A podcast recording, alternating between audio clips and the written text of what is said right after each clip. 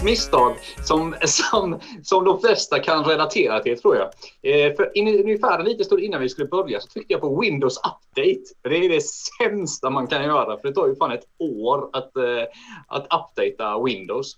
Men eh, ja, jag ber om ursäkt för den här lilla fadäsen. Eh, jag är på banan nu. Ja men det är gött alltså, det är, det är ändå skönt att vi kommer igång. Alltså jag har, redan, jag har redan ställt in det ifall det är så att man eh, inte hade blivit så att Eh, du hade kommit överhuvudtaget. God kväll äh, Axel, hoppas allting är väldigt bra med dig.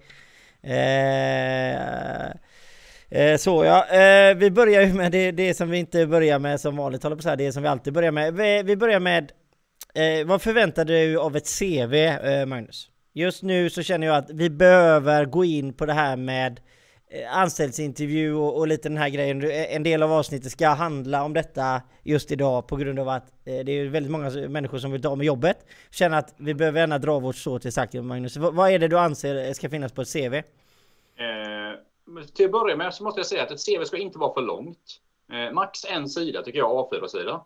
Eh, ta bara med det som är relevant för jobbet du söker, alltså de anställningarna och sånt du har haft eh, som, ja men till exempel om man söker jobb hos dig, till exempel Johan, så är det rimligt att man har, eh, eh, har med den eh, informationen som är relevant för jobbet hos dig. Liksom. Så kanske de två, tre senaste anställningarna. Sen ett kort eh, personligt brev där man inte beskriver allt för mycket om det personliga. Lite personligt kan det vara om vad du gillar på fritiden och så, men annars tycker jag det ska vara väldigt relaterat till arbetet liksom, och din kompetens och sådana saker. Ja, precis. Ska vi säga god kväll Johan eh, och eh, Sebastian, även fångar er live. Trevlig fredag på er och trevlig fredag på dig med. Underbart Men eh, alltså, du, du, du känner alltså att det ska finnas, vad, tycker vi om, hur viktig är bilden? Om vi liksom börjar dissektera ner själva CVet så, eh, så vad är ett bra och ett dåligt CV? Då måste vi jämföra det mot hur ser alla andras CV ut? Hur ska vi se till så att ditt CV sticker ut i mängden Magnus. Vad, vad tycker mm. du om, om vi börjar med det liksom, ett av det absolut viktigaste som finns, alltså själva kortet. Hur ska Bild. man ta kortet? Vilken miljö? Eh, framifrån, snett uppifrån, snett nerifrån, åt sidan. Hur, hur tycker du kortet ska utformas? Ja, man ska inte ta kort som jag sitter just nu med lite vin. Det ska man ju definitivt inte göra. Men jag tycker man ska ta ett kort som är både professionellt och avslappnat. Eh, det är ju svårt att säga vad det, vad det betyder. Vi har en fotograf med oss som tittar på detta så han kan ju komma med tips. Men eh, generellt inte för formellt och inte för avslappnat. Men det beror ju också på vilken typ av jobb man söker. Liksom. Eh, söker du jobb på en arbetsplats eh, där du vet att det är ganska så här, eh, ja men liksom loose style liksom eller sådär så, så kanske man tar ett kort som är relaterat till det. Ehm, så ja, ansiktet. Jag tycker inte helkroppsbild. Ta ansiktet liksom, så man ser hur det ser ut. Det är det viktigaste. Se positiv och glad ut och energisk ut tycker jag. Men, tycker det gör mycket om man ser på en person att eh, den här personen är taggad liksom. Eller vad tycker du? Va? Eh, det tycker jag absolut. Och jag ska säga eh, god kväll och underbar dag till Jesper och hej Tony. Eh, per säger härlig fredag, grönmögelost på pepparkakan, såsen står och puttrar, serveras med kryddsteks, blomkål till smör och buljongkokt potatis. Strax startar innebandyträningen i Genarp, nu kör vi. Ja, det är helt underbart. Det, det går bra för Per Skoglund kan man ju säga. Ja, det går grymt han kan, han kan leva med sådana lyxiga vanor. Alltså. Ja, det är bra. Man ska fredagslyxa lite. Nej, men alltså vad jag tycker är nummer ett, det är att eh, ta alltid kortet framifrån. Eh, se inte till att du gör något konstigt med ansiktet. Eh, jätteviktigt, ser väldigt normal ut. Ett litet leende funkar väldigt, väldigt bra. Ett superbra, stort leende funkar inte bra. Du ska vara kort framifrån, gärna med fejdad bakgrund. Eh, alternativt en, en, en, miljö som, som Magnus satt ju och spelade in på eh, Företagssnack där eh, med en väldigt trevlig miljö för ett par gånger sedan. Tio gånger sedan eller någonting. Alltså det var i sig, det var Ja, du menar när jag satt, ut, när jag satt utomhus? Ja, ja precis. Ett kort framifrån, gärna ett litet leende. Se, se proper ut ansiktet. Ta en pikétröja på dig, ta en korta på dig. Tjejer, ta en pikéskjorta ni med liksom. Alltså det generellt sett liksom. Eh, det, det, är jätteviktigt med kortet alltså. Det, det är alltså dunderviktigt. Mm. Eh, så att, eh, ja ska vi se, Sebastian säger kavaj med tisha eh, under, diffus bakgrund med vit vägg och något färgglatt med suddigt, stort smile blir en bra bild. Ja men absolut, jag gillar dock inte riktigt det här stora smilet utan ett, ett trevligt, eh, kanske ett leende, att man ser pigg och glad ut eh, till exempel. Ja, inte så som Magnus gör för då får man ju inget jobb. Eh, men han är ju egenföretagare så att säga just nu så att han behöver ju inte något så. Nej då, men alltså det är görviktigt med bilden. Eh, Johan... Jag håller, jag håller med faktiskt, jag håller med. Eh, Johan är med oss, så eh, får se om Johan har något eh, proper eh, eller kommer med något eh, intressant där. Eh, hur viktigt är det med texten? Alltså hur mycket text ska vi ha på, på CVt, Magnus? Nej, men det var ju det som jag var inne på lite innan. Jag tycker ju det är väldigt viktigt att inte ha för långt CV, för speciellt i sådana här tider. många arbetsgivare, till exempel du Johan vet jag, har ju fått in väldigt mycket arbetsansökningar. Och får, får en arbetsgivare extremt många arbetssökningar så blir det ju ett väldigt stort jobb att hantera rent eh, administrativt. Man ska läsa allting och gå igenom allting. Försök att hålla det på en A4 brukar jag säga. Um, och som sagt, ta bara med det mest relevanta, alltså kompetens. Alltså lyft fram din kompetens på ett lite, kanske lite personligt sätt, men lyft verkligen fram kompetensen. Så ett CV och sen kanske ett personligt brev då. Men uh, återigen, låt det vara på en A4-sida. Ja men precis, det här med, ja, precis, jag håller med dig till 100% Alltså skriv ut, alltså var väldigt sådär eh, konkret Alltså jag mm. jobbade hos Thulin Digital 2017 till 2018 eh, och så eh, typ två, en, en, inte ens en, en halv mening liksom, ja, vad du gjorde för någonting. För att CVt handlar inte om att du ska få Eh, jobbet på CVt. Det är inte det CVt handlar om. CVt handlar om att du ska få möjligheten att komma till en intervju. Så att det är inte meningen att du ska liksom dunka in fyra A4 men bara det här är jag, jag är så här och jag kan det här. Utan det handlar mer om att du ska få upp ett intresse. Du ska alltså sälja in dig själv eh, och dina Exakt. kompetenser. Och det gör man inte med i för mycket text. Alltså man kan göra så här, Johan eh, till exempel, man kan ju göra det lite enkelt för sig för att om man vill få en bra eh, uppfattning till exempel om man har LinkedIn så kan man gå in på sin egen profil. Sen trycker man på More och sen trycker man på Save to PDF. Då savear, då, då savear alltså LinkedIn eh, din PDF från din LinkedIn-profil. Nu blev ju min en och en halv sida här, men eh, det blir ganska bra struktur. Bara det enklaste, liksom viktigaste eh, med lite bild. Och där, där inne kan man enkelt faktiskt också bygga sitt CV. Eh, så mm, det tycker jag är en bra eh, gru, grundinställning att gå på. Alltså för att det är ju så att LinkedIn har ju ändå de har väl antagligen lite vetenskap bakom det. Liksom att eh, om, de, om man printar ut ett, ett CV där som är 10 kilometer långt så skulle inte det vara så bra. Liksom. Nej men så är det ju. Men där kommer vi även in på någonting som också är väldigt viktigt där men alltså nu har vi pratat om bilden, hur viktig bilden är. Vi har pratat lite om texten eh, eh och vi ska gå in på det som du pratade också om. Jag, jag pratar, det blir lite mer design eller uppdelning i själva CVt.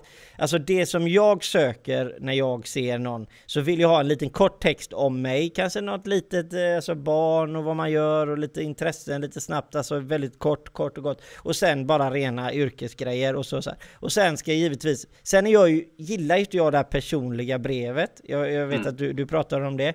Eh, jag personligen uppskattar inte det, för jag uppskattar mer att skriv det i ditt mail Mm. När du ansöker? Ja, absolut, absolut. Det kan man ju definitivt Alltså för göra. två dokument är dubbelt så många dokument som mm. ett dokument. Ja, det var ju mm. bra matematik. Men alltså jag, jag, gillar inte personligt brev för att det blir två saker att hålla reda på. Har du väldigt många ansökningar så blir det jobbigt att hantera. Eh, så att ett CV och personliga brevet med ditt mail, eh, det tycker jag är överlägset det bästa tipset. Och sen designen pratade vi lite om. Du sa det här med LinkedIn. Jag tycker alltså absolut se till så att ni har en snygg design. Inte ett rent Word-dokument med att bara lägga in grejer. Det är alltså inte...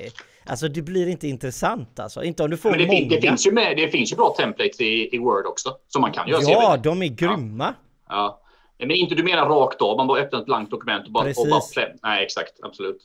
För det, det, det är görviktigt liksom. Alltså man måste tänka på det till stor del alltså för att eh, det handlar ju om att du är i tävling med alla andra människor som vill ha samma tjänst. Och, och, och sen handlar det ju om att eh, nummer ett då.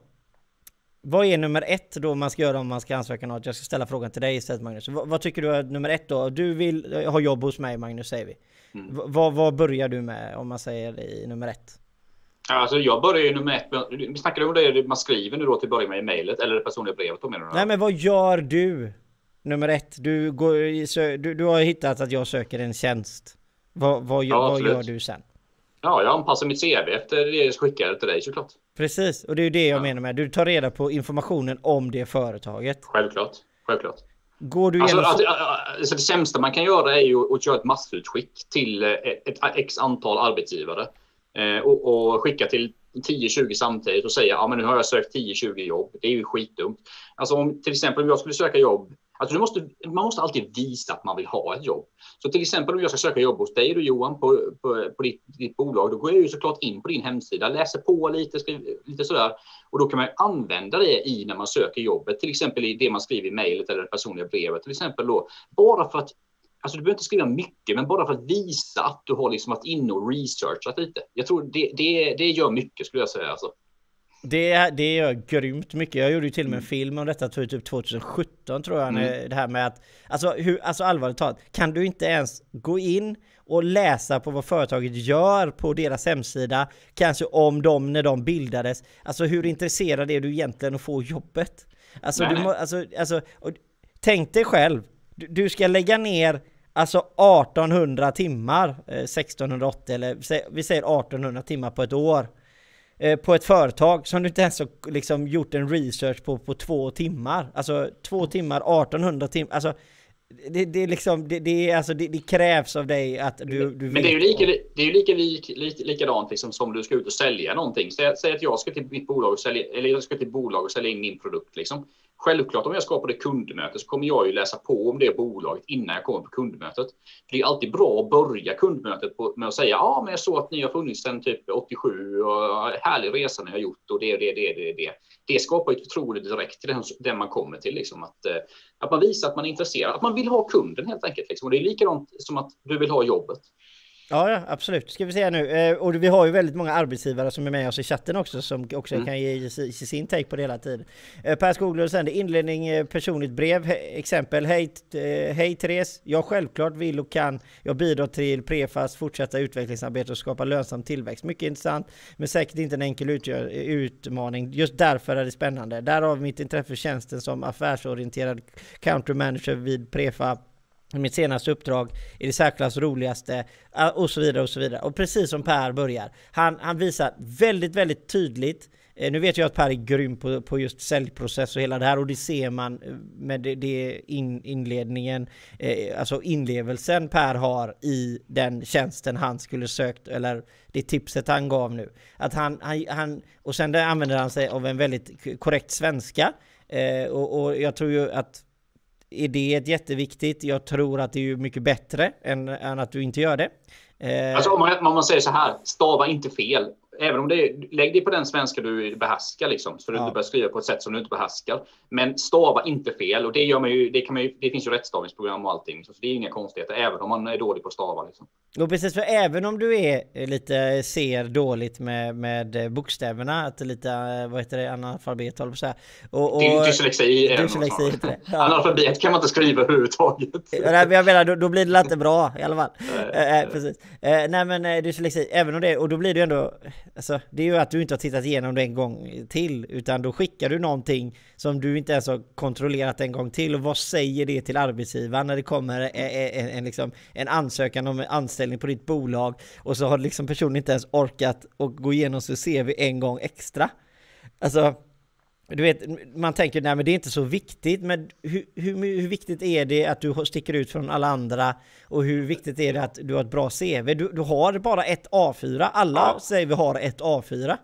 Alltså liksom. Men alltså det går, det går ju att göra en mängd kreativa saker. Jag tror att speciellt som arbetsmarknaden ser ut just nu så måste man vara lite kreativa. Det kan ju vara till exempel spela, fan, spela in lite film om du är intresserad av det. Gör något annat kreativt. Liksom till exempel, säg att jag ska söka jobb hos dig Johan. Ja, då skickar jag med eh, mitt CV och sen är min eh, och så skriver jag bara så i mejlet till dig. Äh, jag, jag vill inte skriva någonting. Jag gjorde en film istället så bifogade filmen eller länken där han pratar till dig Johan direkt liksom eh, varför han vill jobba hos dig till exempel. Det är ju så här att jag brukar alltid störa, jag brukar alltid störa mig när jag får höra typ att människor säger att eh, jag får inget jobb. Alltså ett jobb får man inte man skaffar ett jobb. Man tar, alltså, man förtjänar det. Ja, ja absolut. Alltså, du, du får inget jobb. Alltså, det, är inte så att, det är inte så att det finns x antal jobb på marknaden och sen bara får människor de jobben. Du måste visa att du vill ha jobbet. Det skulle jag säga är Alltså det är det absolut viktigaste skulle jag säga, tipset som man kan ge. Visa att du vill ha jobbet liksom.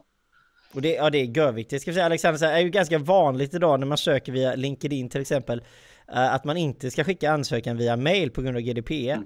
Mm. Hur ska jag göra då om man efterfrågar personligt brev? Ja, att man, att man går igenom någon slags rekryteringssajt då, någonting mer han. Ja, eller, ja, men det, det står ju att du inte ska skicka dina liksom personliga uppgifter via mail på grund av mailen kan bli hackad och sånt på grund av GDPR. Äh, alltså alternativt är det ju om du kör Dropbox och så delar du i så fall en länk till en cloud-grej till exempel.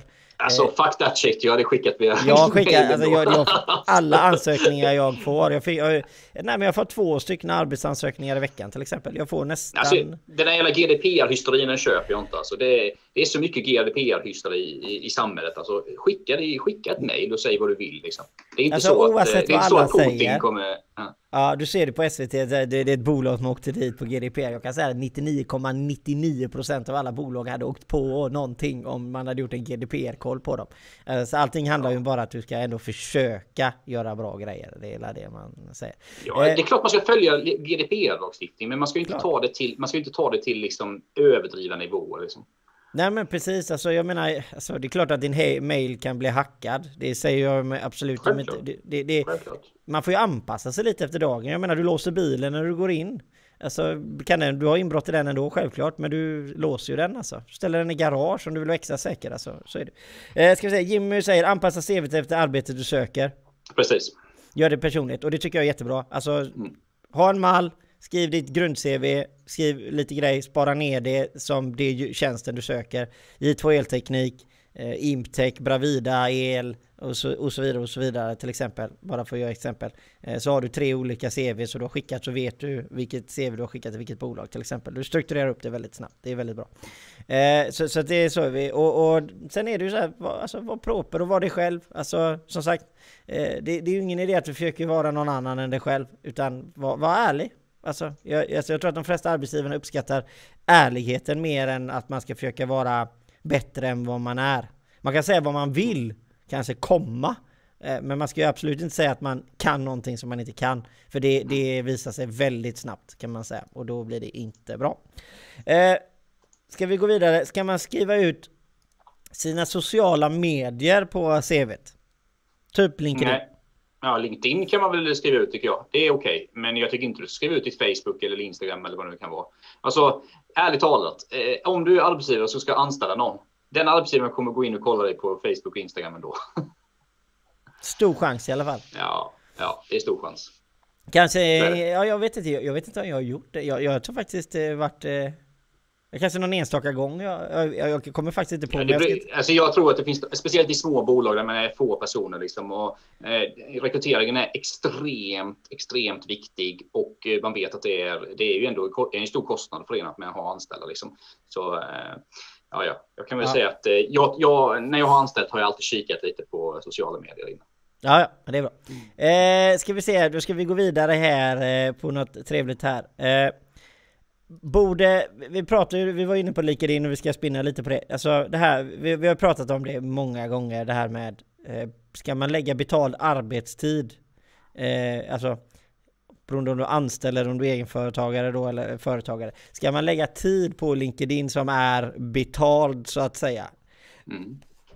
Ska man ha det, sociala mediehantering, ska man ha X antal timmar eh, på en vecka för att man ska kunna liksom arbeta med det. Kommer det generera någonting? Jag vet ju att eh, vi har säkert en olika in, inblick i det här och det har vi haft tidigare också.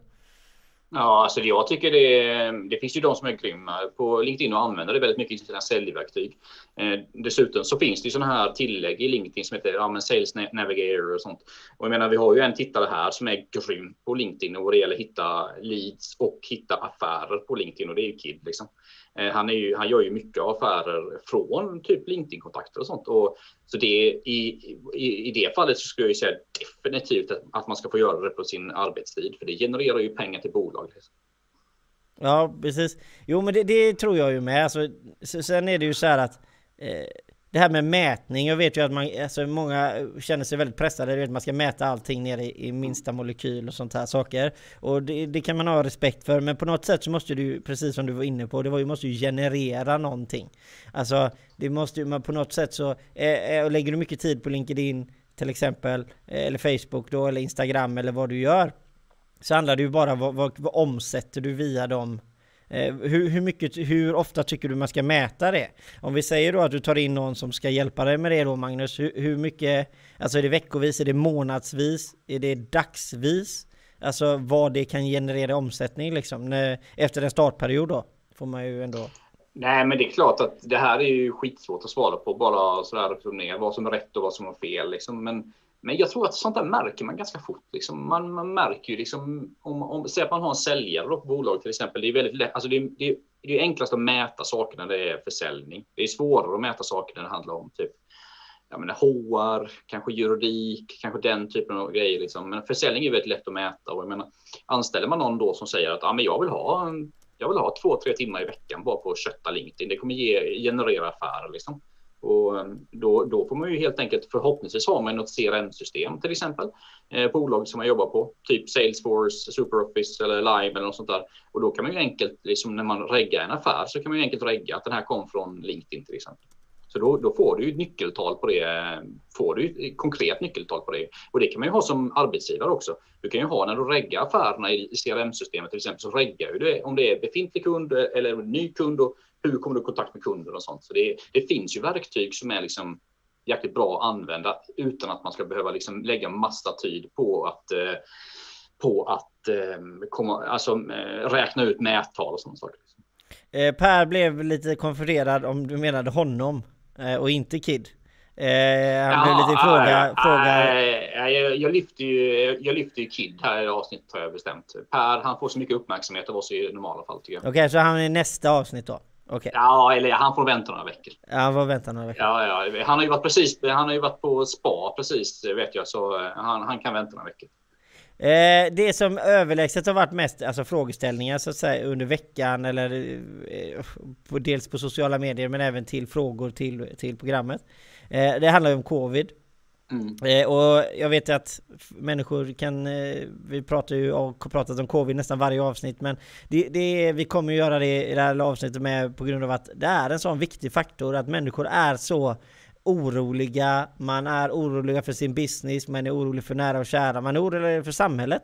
Eh, så att jag menar, det, det är ju ändå, eh, alltså att, att, vara orolig är ju ganska självklart och det är ganska sunt att vara lite orolig idag för att det händer så himla mycket grejer på väldigt kort tid.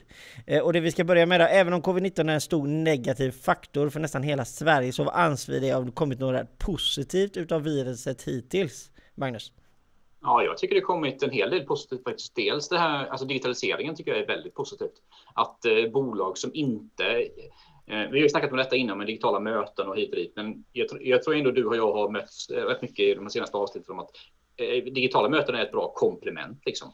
Och tidigare har det ju varit så väldigt mycket i många delar av eh, näringslivet att man har inte kört digitala möten, man har bara kört fysiska möten. Så det tycker jag är väldigt positivt för många bolag, att man har gått djupare i digitaliseringen. Eh, och det innebär ju helt enkelt också att vissa möten i framtiden, absolut inte alla tror jag inte, för det, det tror jag inte på, men vissa möten kan man ju ta digitalt och det skapar ju effektivisering i bolaget. Man, man sparar på konto 5800 resekostnader liksom. Eh, så ehm, det finns definitivt saker och ting som är positivt. Och jag brukar säga det Johan också. Eh, jag är lite obotlig optimist. Det, det är ju, alltså, I kris föds ju nya tankar. Det är ofta så att människan funkar väldigt mycket så. Människan är ju trots allt ganska primitiv och, och sådär att eh, och jag menar, om man ser tillbaka hur människan är skapt, det är ju inte så att människan är skapt för att ha lite osäkerhet. Liksom. Eh, och det är klart att har man det för bekvämt och för bra, då kan ju, då kan ju människor bli förslappade. Det tror jag liksom är ganska naturligt. Det kan man själv säkert bli.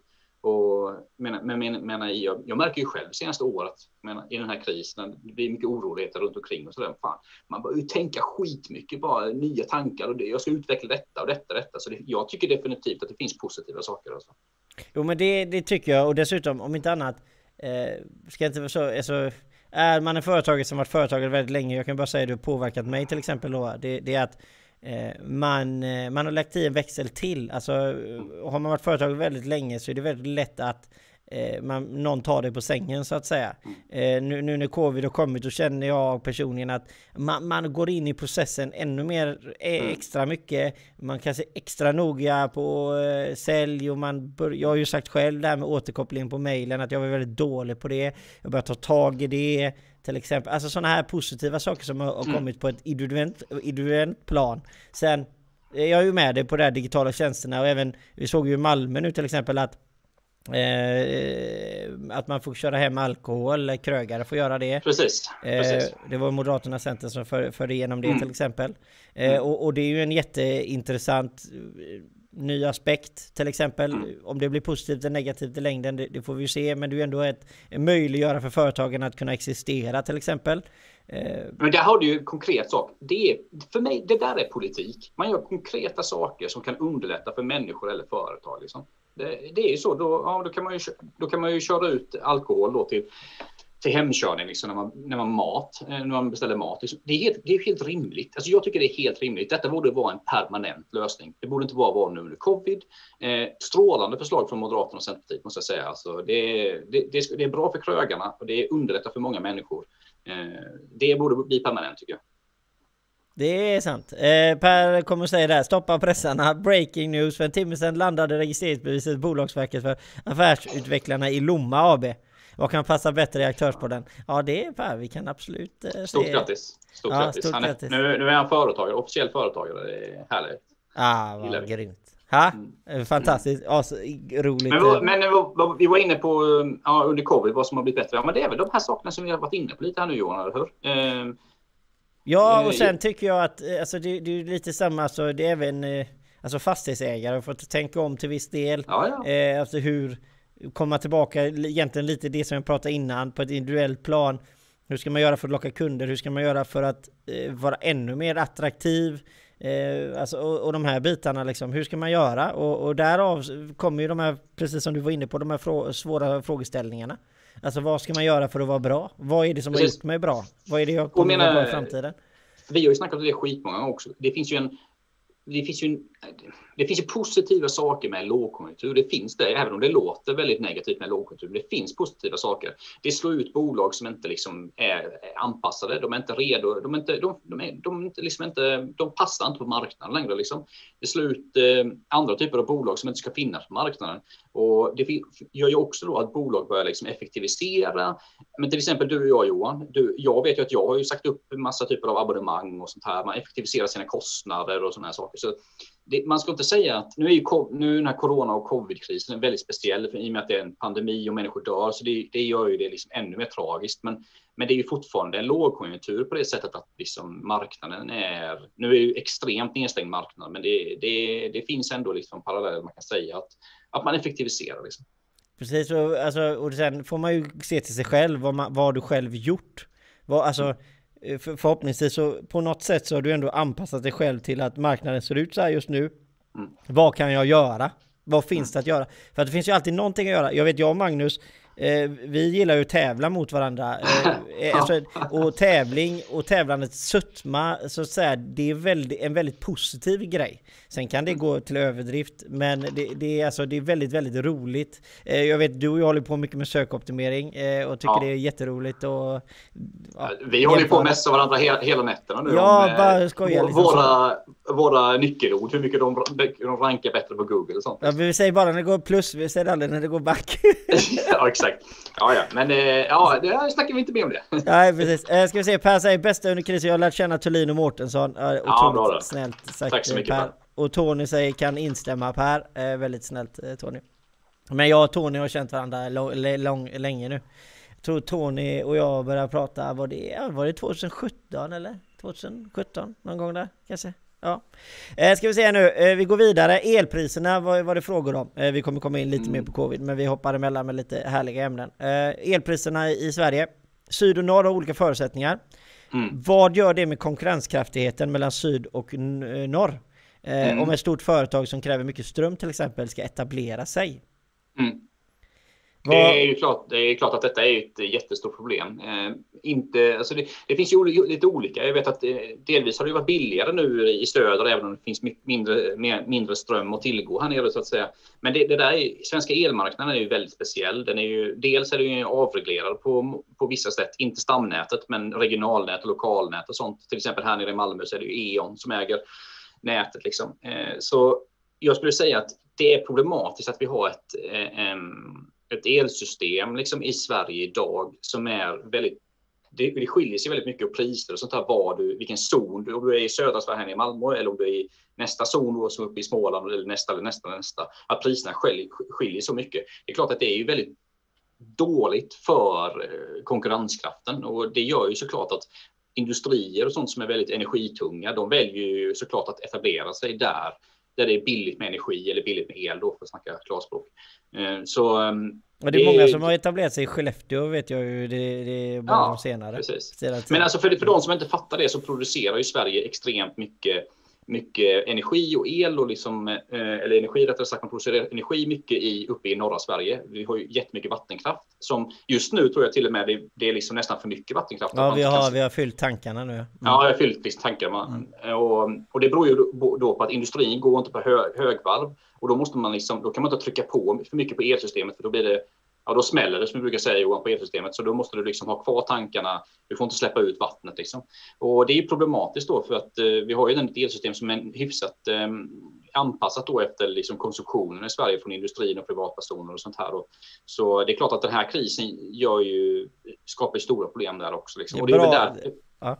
Och det är väl därför liksom det är eh, ganska billigt med el just nu också. För att det finns väldigt mycket till, alltså det är tillgång och efterfrågan. Vi är en företagspodd. Det handlar väldigt mycket om tillgång och efterfrågan. Det finns, just nu finns det extremt mycket tillgång liksom. Och då, eh, då Kapitalismen styrs på det sättet. Ja, precis. Och då blir det ju billigt med el. Liksom. Men när efterfrågan, när många industrier och många hushåll och sådana saker vill ha mycket energi eller, eller el då genom ledningarna.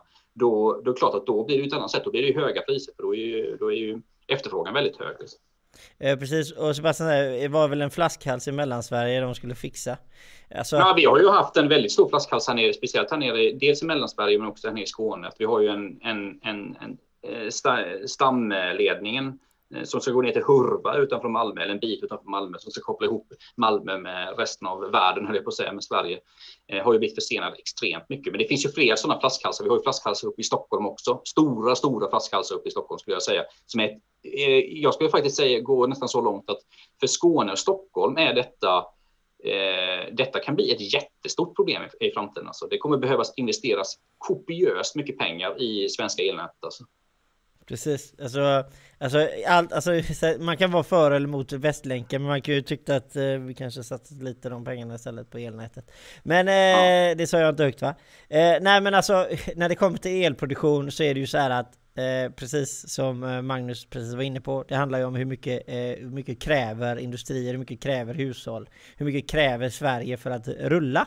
Eh, och då handlar det om momentant, alltså vad behöver vi just nu? Det är ju det, el styrs ju av det, vad behövs vi just nu, nu, nu? Eh, jag tror ju till exempel att, att det är bra att det blir en, eller kanske förhoppningsvis lite mer kallare i Sverige just nu. Mm. för att det är bra, för absolut. då förbrukar vi lite ja, mer ström. Ja, ja, absolut. Men, men det, det är ju också så liksom att Alltså det, det, här är en väldigt politisk fråga också, det här med elen i Sverige, liksom vad du ska producera och sådana saker. Alltså jag, jag, skulle ändå vilja säga så. Alltså vi som är kanske intresserade av politik då, ja, vi håller på och kollar då på höger och vänsterskala och vad som är kärnkraft eller vad nu så här. Men liksom industrin är ju ändå så här. Industrin vill ha långsiktighet.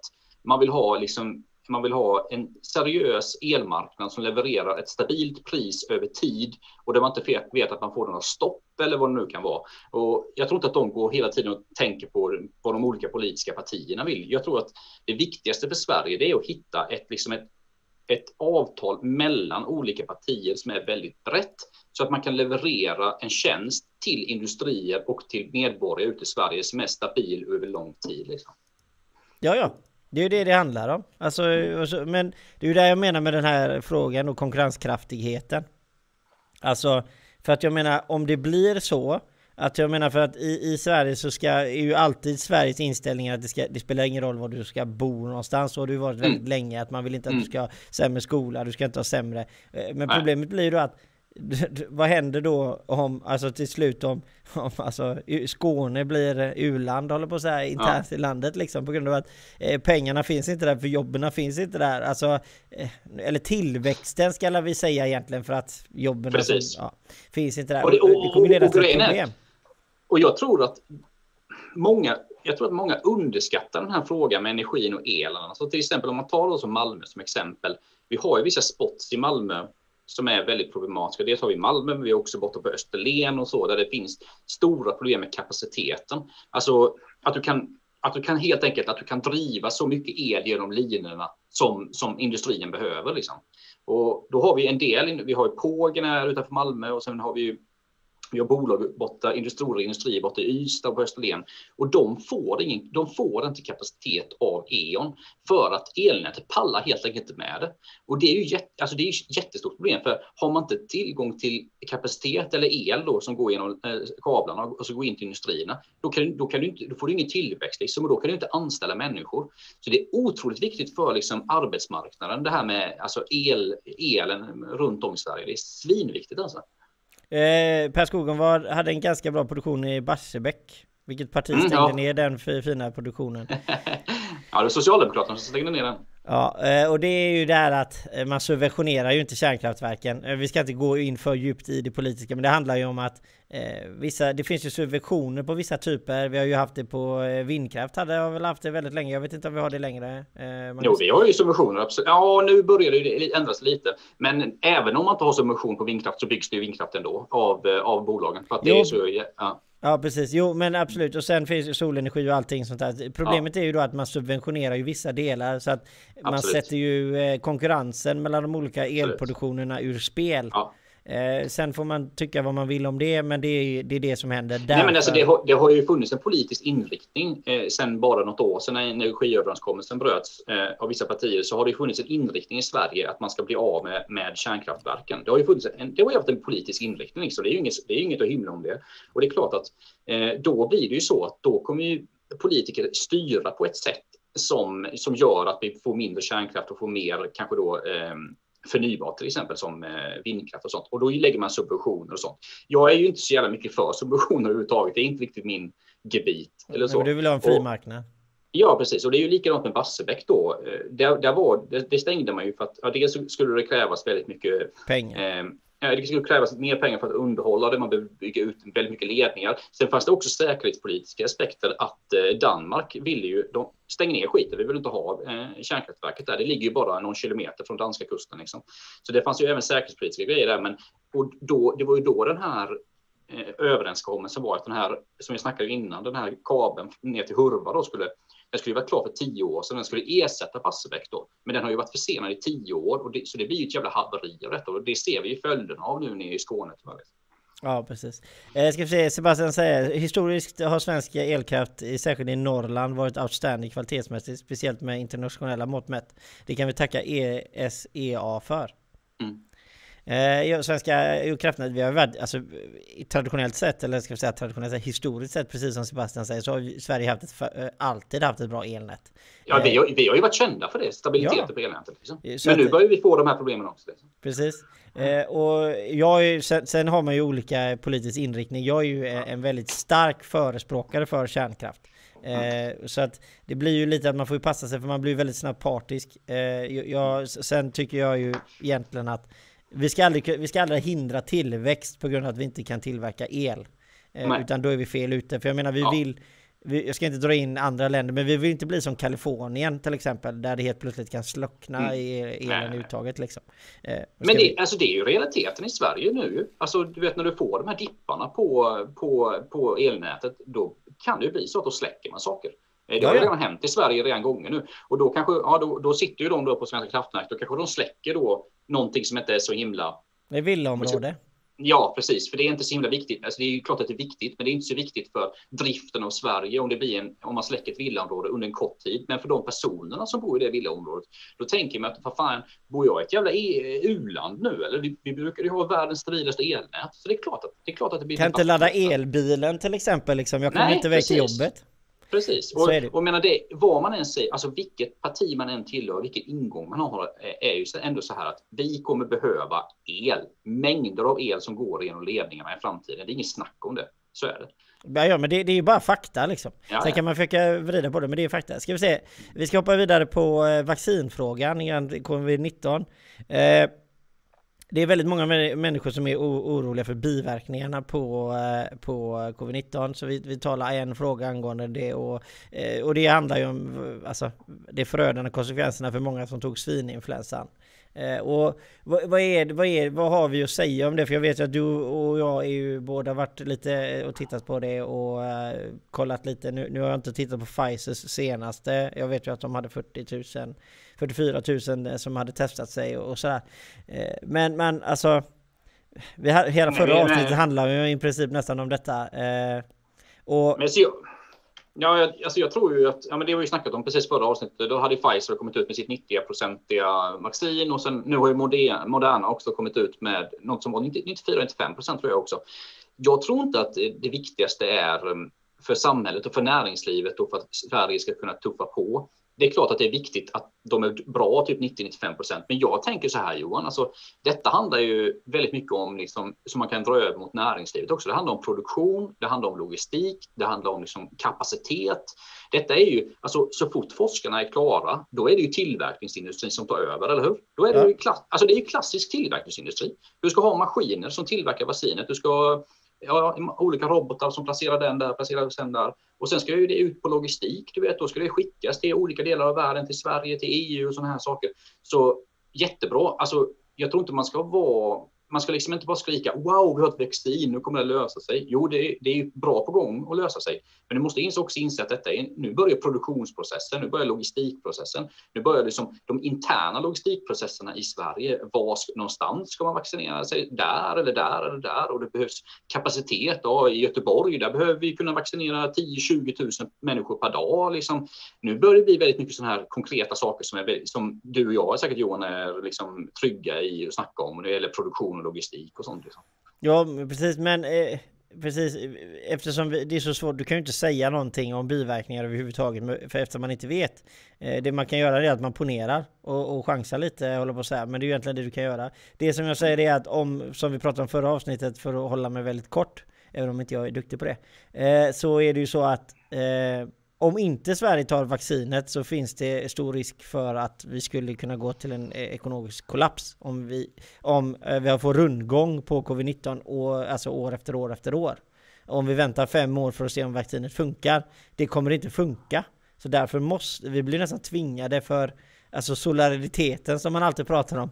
Eh, att vi ska hålla ihop landet. På något sätt. Det är det jag tror att det kommer bli liksom.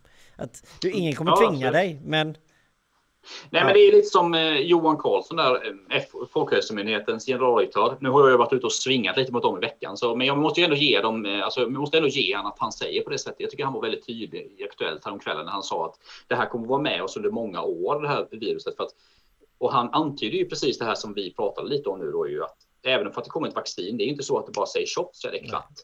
Detta är ju produktion, det är logistik, det är många människor som ska göras. Så det är klart att vi kommer säkert, det här viruset kommer säkert finnas kvar i samhället, säkert flera, flera, många säger ju att det alltid kommer finnas kvar en del till och med. Jag vet inte, jag kan inte bedöma det, men under flera år kommer det säkert finnas kvar för att det kommer ju ta väldigt lång tid att bygga upp den här så kallade flockimmuniteten som man har hört om eh, en miljon gånger det senaste halvåret. Liksom. Ja, precis. Och vi har ju pratat om att alltså, i minsta lag så kommer vi ha problem med det fram till semestern. Mm. Ja, men det tror jag. Det är helt rimligt. Alltså, det har vi sagt från första, vi har sagt första juni många gånger och jag tror det definitivt. Alltså, sommaren så kommer det kanske vara liknande som det är nu. Liksom. Eller ja. kanske inte riktigt, men någonting liknande i alla fall. Eh, precis. Eh, ska vi se. Eh, men just av eh, covid-19, eh, alltså Q1, Q2 ekonomiskt för Sverige. Vi har ju ändå sett, eh, alltså de här företagen runt om i Sverige har ju börjat gå lite sämre igen. Eh, det ser vi ju ganska tydligt eh, och, och, politiker pratar ju väldigt tydligt om att det måste tillföras mer pengar för att företagen inte ska trilla vippen i mm. Q1 egentligen, för det är ju egentligen det det handlar om. Eh, för jag tror ändå att vi pratade ju om förra julhandel, lite sånt här Q4 2020, sista kvartalet 2020. Julhandeln kommer ju rädda upp mycket och sånt här. V vad tror vi liksom, alltså ekonomiskt sett? Alltså för Q1 och Q2, alltså 2021. Kommer det vara tufft, alltså i början av nästa år? Eller kommer det öppna upp sig mer? Alltså konsumenterna är ju ändå ganska köpstarka. Ja, absolut. Eh, det är klart. Eh, alltså, konsumenterna är ju jävligt köpstarka beroende på den här dopingen som du och jag har pratat om väldigt många gånger. Liksom.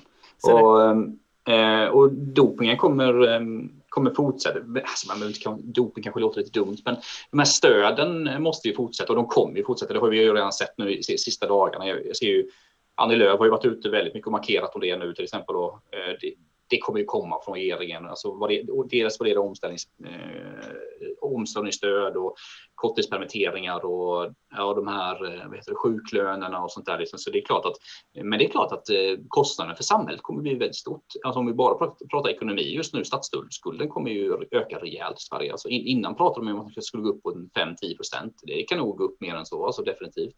Och det är klart att när den här perioden är över då, eh, då innebär ju det såklart att då skulle det betalas tillbaka. Så är det. Så, det. Och, ehm, så ehm, ja. nej, men jag, jag tror inte, alltså och även om, återigen det här med politik Johan, alltså även om man är höger eller vänster, jag tror ändå liksom att de flesta politiker, de flesta partier vill inte se några kollapser i Sverige. Liksom. De vill att människor ska ha ett jobb att gå till, de vill att bolagen ska fungera och sånt här. Liksom. Så det kommer komma stöd till, eh, och det är ju ändå så att Sverige har råd för att vi har så låg statsskuld. Liksom. Så Eh, man kan vara, jag är ju jävligt glad att man bor i Sverige måste jag faktiskt säga i, det här, i den här krisen. För att, med tanke på att vi har så goda statsfinanser. Liksom. Jo precis, alltså så är det ju. Oavsett vilket parti du vill så, så vill ju de flesta, eller de nästa alla väl för Sverige liksom. Ja, precis. Sebastian, fick uppfattningen att de redan börjat producera och leverera väldigt tidigt vaccinet. Eh, men, eh, men de väntar på resultatet innan studierna innan de börjar boka in. Ja, det är ju inte godkänt. De är inte godkända av eh, amerikanska vad heter det, Drug and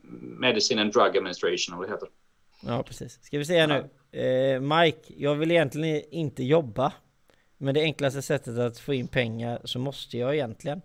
Eh, mm. Veckan okay. efter Eh, ja, det okej. Okay. Det vet jag inte riktigt hur vi ska svara på. Det är klart att eh, vill, vill man inte jobba, det är ju som sagt så, så, så, är det ju så att ska du få bidrag så är det någon annan som behöver jobba för att få in pengar till dig. Alltså, så, så alla, alla måste ju dra sig så till stacken liksom. Det handlar ju inte om att vilja, det handlar om att göra rätt för sig och hela samhället. Det är ju det det handlar om. Eh, ska vi se, jag har offrat äldre och sjuka, det har redan kommit ut i mig som Tegnell Alltså det, det, alltså det, det är ju för det första så ska man ju vara väldigt tydlig med att att det, det, är en sak att det är en sak att stå och medvetet putta ut någon från kanten och det, och det är en sak att eh, ett virus slår till som vi aldrig har sett tidigare. Att vi har skött saker och ting fel eh, och gjort dåliga val. Vi har gjort bra val också.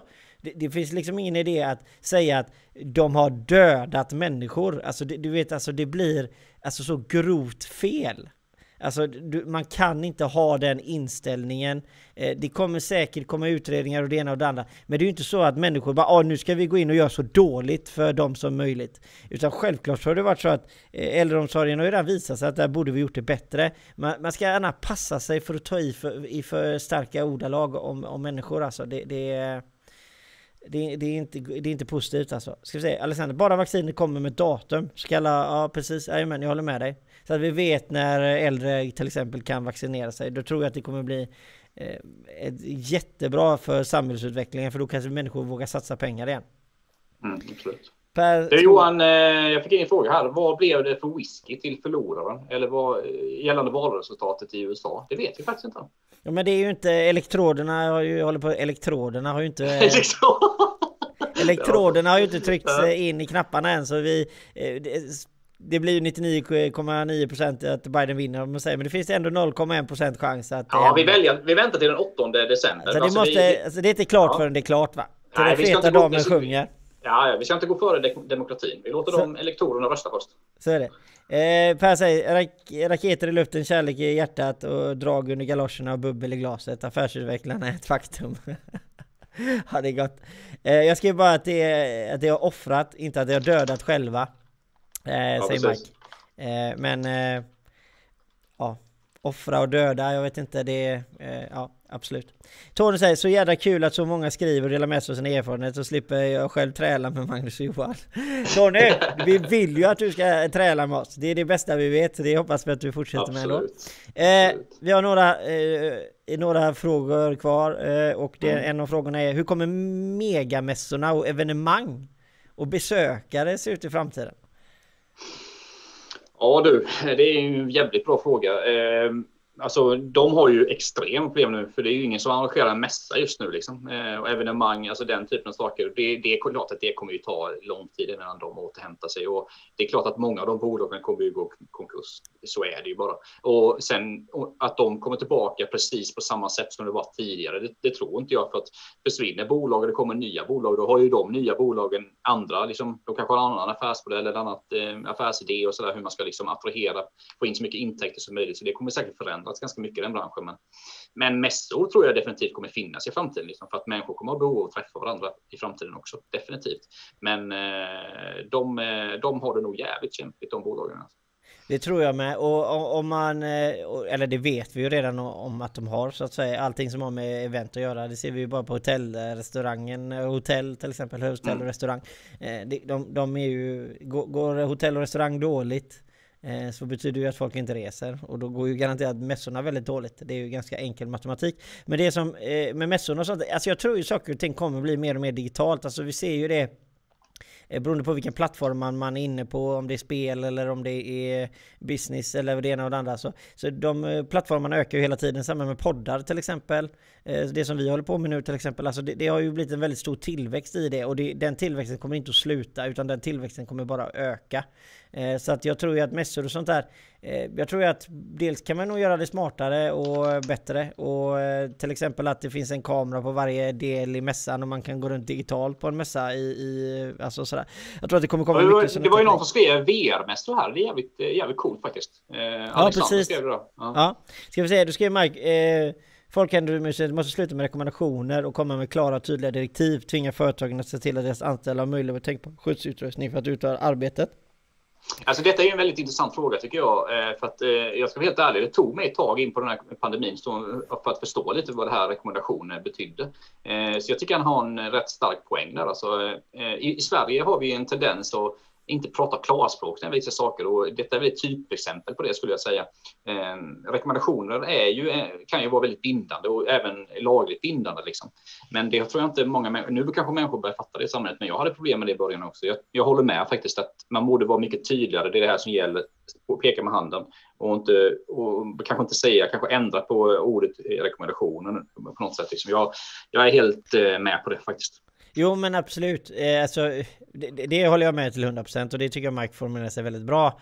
Eh, självklart så är det så att eh, en, alltså, Allting handlar ju om uppfattning eh, när man kommunicerar med människor. Det, det är ju en kommunikation liksom. Eh, med Folkhälsomyndigheten när de går ut med informationen så blir det en monolog. Alltså de pratar ut och dikterar saker till exempel. Eh, vi sitter här och pratar med er i en monolog att vi fram och tillbaka. Eh, men problemet är när du har en monolog då måste du vara extremt tydlig. Eh, ska du säga till den juridiska världen till exempel så ska det stå ett skallkrav. Mm. Det är ett mm. skallkrav. Då vet alla att det här måste följas. Får man ett, ett mail till exempel när det står jag rekommenderar att du ska använda detta. Då bara okej, okay, men du rekommenderar mig att jag ska använda det. Det skiter jag i det. Alltså för att jag behöver inte, för det är en rekommendation bara. Och så säger du, ja men då är, det kanske var juridiskt bindande. Men det, det jag håller med till 100%. Det måste vara ett skallkrav, annars kommer inte folk följa det.